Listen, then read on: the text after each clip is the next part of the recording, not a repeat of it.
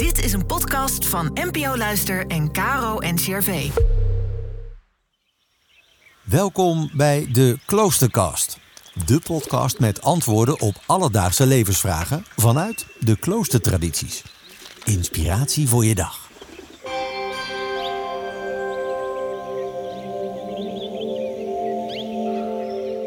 Geloof en twijfel. Kan dat samengaan? Thomas Kwartier gaat op onderzoek uit. Hij is Benedictijner monnik in de abdij Keizersberg in Leuven en hoogleraar theologie in Nijmegen.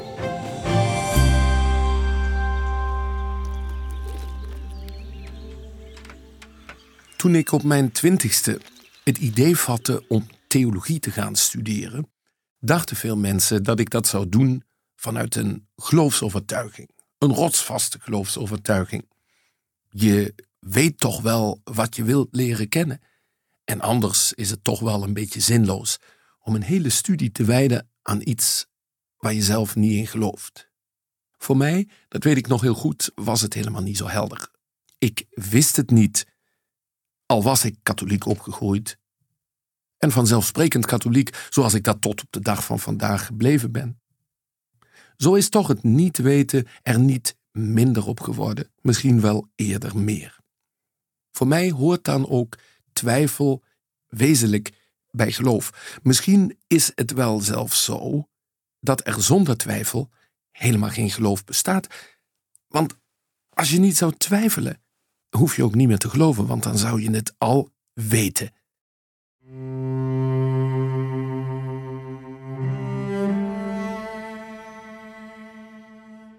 Mijn naam die mijn ouders voor mij gekozen hebben, Thomas, bracht ik dan in mijn studietijd in verband met de heilige Thomas van Aquino. De engelachtige leraar, zo wordt die universele geleerde uit de middeleeuwen genoemd. En wat zou het mooi zijn geweest, dacht ik toen als jong theoloog, als ik dat mijn naampatroon zou kunnen noemen. Maar helaas, mijn ouders hadden een andere keuze gemaakt toen ik als baby gedoopt werd en mij naar de apostel Thomas genoemd. De ongelovige Thomas. Dat irriteerde me eerst een beetje, maar al vrij snel begon ik mijn niet weten met die Thomas in verband te brengen. Want was Thomas nou een ongelovige?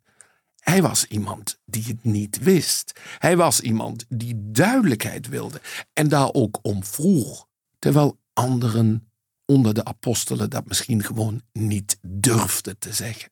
Of zichzelf rijk rekende wat betreft hun geloof. En hoe ouder ik werd, hoe blijer ik was met de keuze van mijn ouders om voor de apostel te gaan. Thomas, de apostel, is voor mij nog eens opnieuw gaan leven toen ik in het klooster intrad. Ik werd Benedictijn.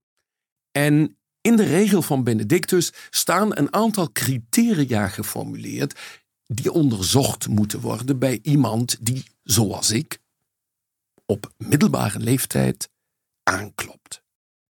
Een oudere monnik, zo zegt de regel, onderzoekt bij iemand die zich nieuw aanmeldt voor de monastieke levenswijze, of deze werkelijk God zoekt en of hij de juiste houding toont. Men schetst hem van tevoren hoe lastig en bezwaarlijk de weg is waarlangs men gaat naar God. Het meeste spreekt mij in deze passage aan dat de nieuwkomer God moet zoeken. En ik onderstreep graag het zoeken, meer nog dan de naam van God zelf. Als we nou eens alle nadruk op het zoeken leggen, wat men in het klooster geacht wordt te doen, dan sluit dat nauw aan bij de houding van twijfelen. Want wie twijfel niet toelaat, zoekt niet echt, maar denkt het allemaal al gevonden te hebben. Daarvoor moet je niet in het klooster zijn, want het is best een lastige weg.